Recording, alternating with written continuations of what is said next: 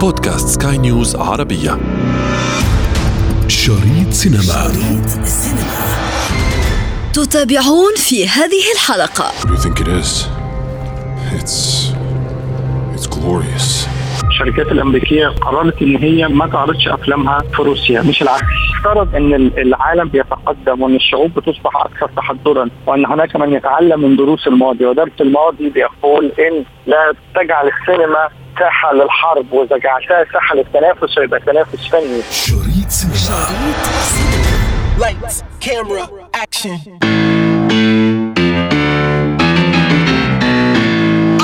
For some action? الجيوش قد تنسحب والحكومات قد تتغير والحروب قد تقف. لكن الفن يظل دائما خالد. عنوان هذه الحلقة سؤال يطرح. ما ذنب الجمهور الذي ينتظر لمشاهدة الأفلام الجديدة؟ أنا ابتسام العكريمي وهذه حلقة جديدة من بودكاست شريط سينما. لا تفوت الأمر. شريط سينما. Dangerous out there. أهلا بكم في عالم السينما والإنتاجات الفنية. نحدثكم اليوم عن العقوبات الأمريكية التي طالت حتى مجال الفنون الروسي. وعلى رأسه قطاع السينما. There's nothing to worry about.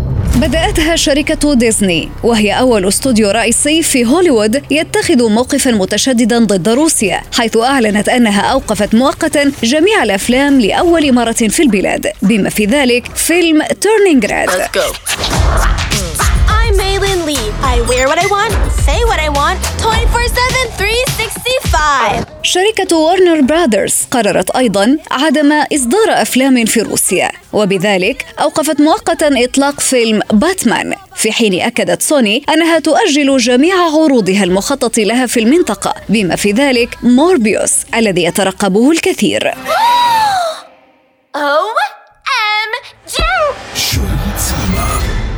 إذا مستمعينا الكرام نتعمق أكثر في هذا الموضوع. أستقبل الناقد السينمائي أستاذ رامي عبد الرازق. أهلا بك. بداية شركة وارنر براذرز الأمريكية توقف عرض فيلم باتمان في روسيا. قبل أيام فقط من عرضه في دور السينما هناك. هوليوود تحركت لوقف خطط التوزيع في البلاد بعد غزو فلاديمير بوتين لأوكرانيا. الكثير من الشركات التي أوقفت عرض المزيد من الأفلام التي يتم إنتاجها من طرف هوليوود في روسيا. يعني خلينا نعرف النظرة النقدية الخاصة بحضرتك في هذا الموضوع. الخطوات اللي من النوع ده تأثيرها في رأيي تأثير محدود وربما تأثير سلبي.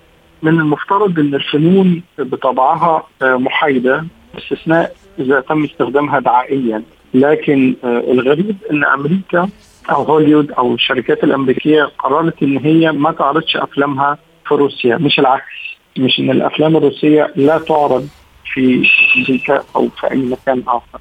هو هذا اللي تم آه، سيد رامي هذا اللي تم هو إنه الأفلام الأمريكية منعت عرض كل ما يتعلق فيها في روسيا من أبرزها طبعا فيلم باتمان.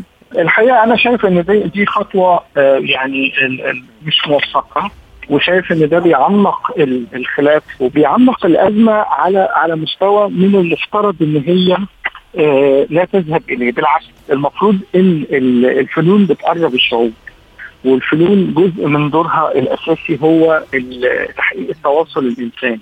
في النهاية آه، أنت يعني أنت لا تعاقب الجيش الروسي ولا تعاقب بوتين آه، عندما تمنع عرض أفلامه في أمريكا أو تمنع عرض الأفلام الأمريكية في روسيا. آه، قطع الصلات على مستوى الشعب أو على المستوى الإنساني الحقيقة يعني اثبت فشله بالمناسبة على مدار سنوات طويلة. يعني يعني خليني أقول لك مثلا إن في سنوات المد الاشتراكي في مصر آه، خلال اواخر الخمسينات وطوال فترة الستينات آه، كان الأفلام اللي بتعرض في القاهرة هي أفلام قادمة من أوروبا الشرقية من المعسكر الاشتراكي وكانت الأفلام الأمريكية آه، شحيحة وقليلة المعروض منها رغم إن الأفلام الأمريكية كان ليها مثلا الحظوه في العروض فيما قبل عام 52 هذا المنع جعل آه، الأفلام الأمريكية آه، أكثر آه، يعني جعل الجمهور متعطش أكثر لمشاهدة الأفلام الأمريكية. فما حدث بعد سنوات الستينات عندما انتهى المد الاشتراكي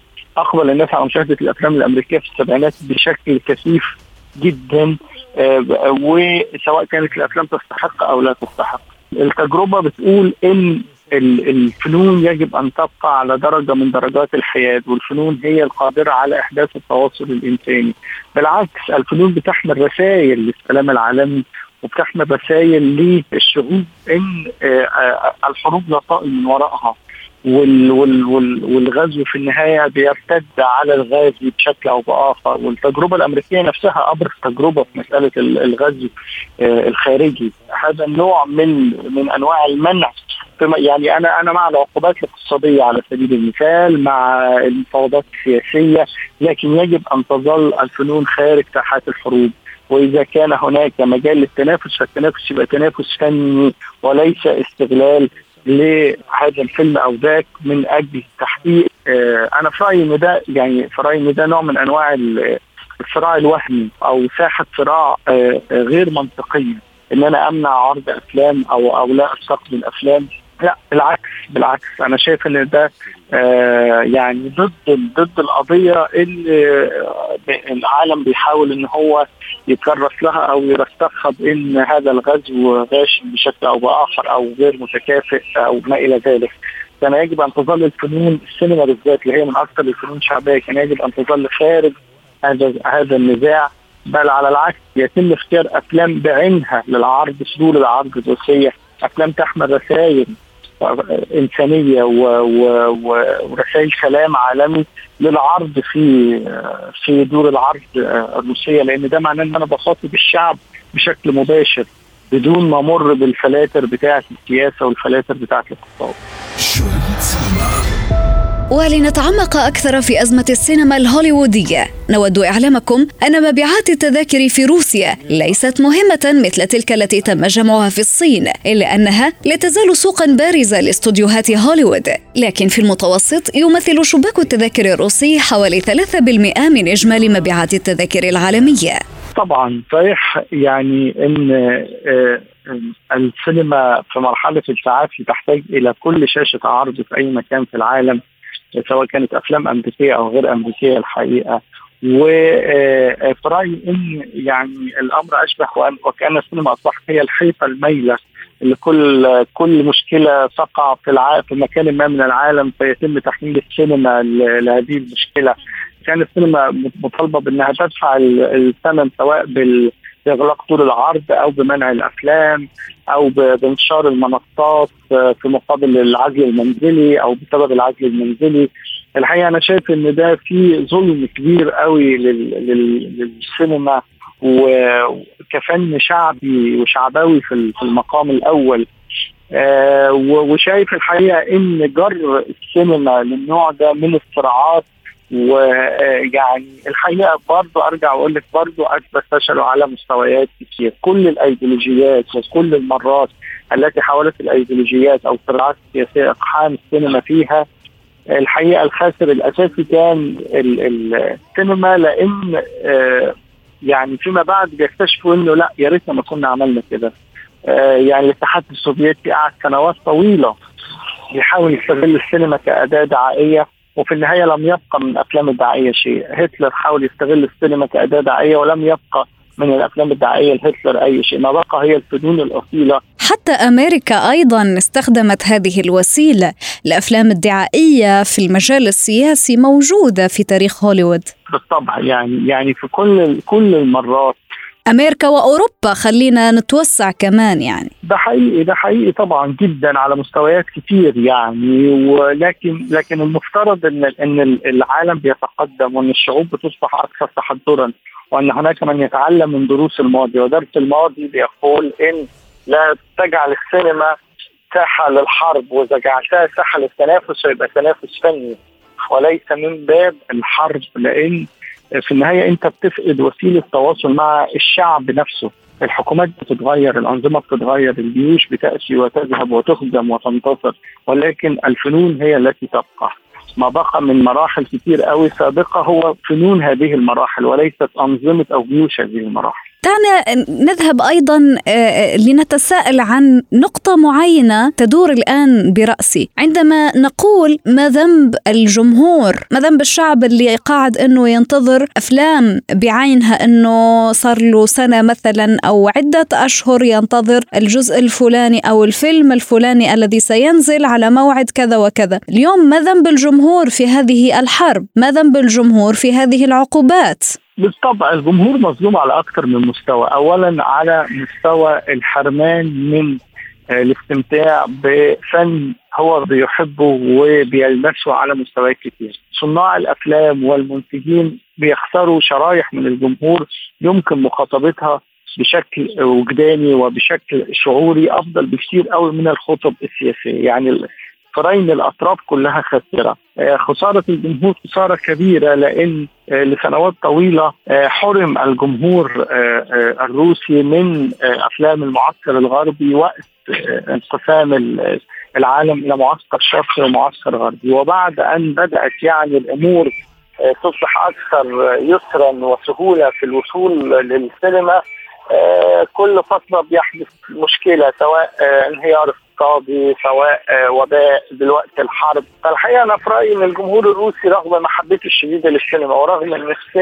روسيا تحديدا أو صناع الأفلام الروس ساهموا في تطوير السينما العالمية هناك العديد من الأسماء التي آه، يعني لولاها لما أصبحت السينما على شكلها الحالي. يعني يكفي أن نذكر أسماء زي أيزنشتاين على سبيل المثال اللي هو بنعتبره مخترع المونتاج السينمائي. ففي رايي طبعا إن الجمهور مظلوم على بدرجة كبيرة وصناع الأفلام خاسرون ل آه، يعني آه، لشرايح من الجمهور ولفرصه إن هم يلعبوا دور في المعركة ولكن دور حقيقي، الدور الحقيقي هو مخاطبه وجدان الشعوب من خلال الأفلام.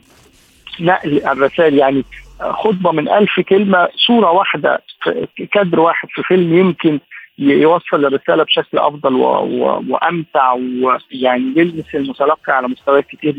يمكن لو كان النظام الروسي هو اللي منع الأفلام الأمريكية كنا قلنا والله آه ده من باب إن هو مش عايز حد يخش يكلم الشعب ويقول له لا اللي بيحصل ده مش صح وده ضد السلام العالمي وضد التحضر وضد كل حاجة الإنسانية حققتها في في القرن الماضي ولا في النصف القرن الماضي ولا في 80 سنة اللي فاتت من وقت الحرب العالمية الثانية.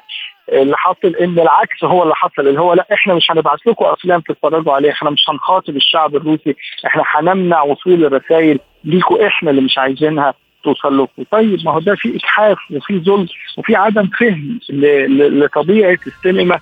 كفن إنساني قادر على الشعوب عادة بيتم تنظيمها بالقوانين وبتتقدم بالعلوم وبترتقي بالفنون بترتقي شعوريا بالفنون وبتتقدم بالعلوم. وتكون أيضا رسالة تكون أيضا رسالة رسالة سلام رسالة حمالة بالمعاني. أنت كده اللي, بت... اللي ضد السلام.